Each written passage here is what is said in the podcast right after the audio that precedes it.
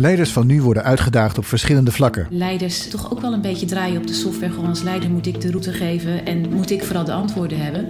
Dat kan niet meer. Annette Mulmeester en Philip Bayeur. Het meest taaie werk is intern werk. In deze podcast hebben we het over de rol van leiderschap en organisatiedesign bij sensemaking. En daar gaat het eigenlijk heel vaak niet over, terwijl daar zit de crux volgens mij. En jullie hebben op basis van al jullie ervaringen uit de praktijk Sensemaking 1 geschreven over het komen tot een collectief vermogen. Je kunt niet anders dan vertrouwen op het collectief om met elkaar op expeditie te gaan, de weg te vinden op onbekend terrein.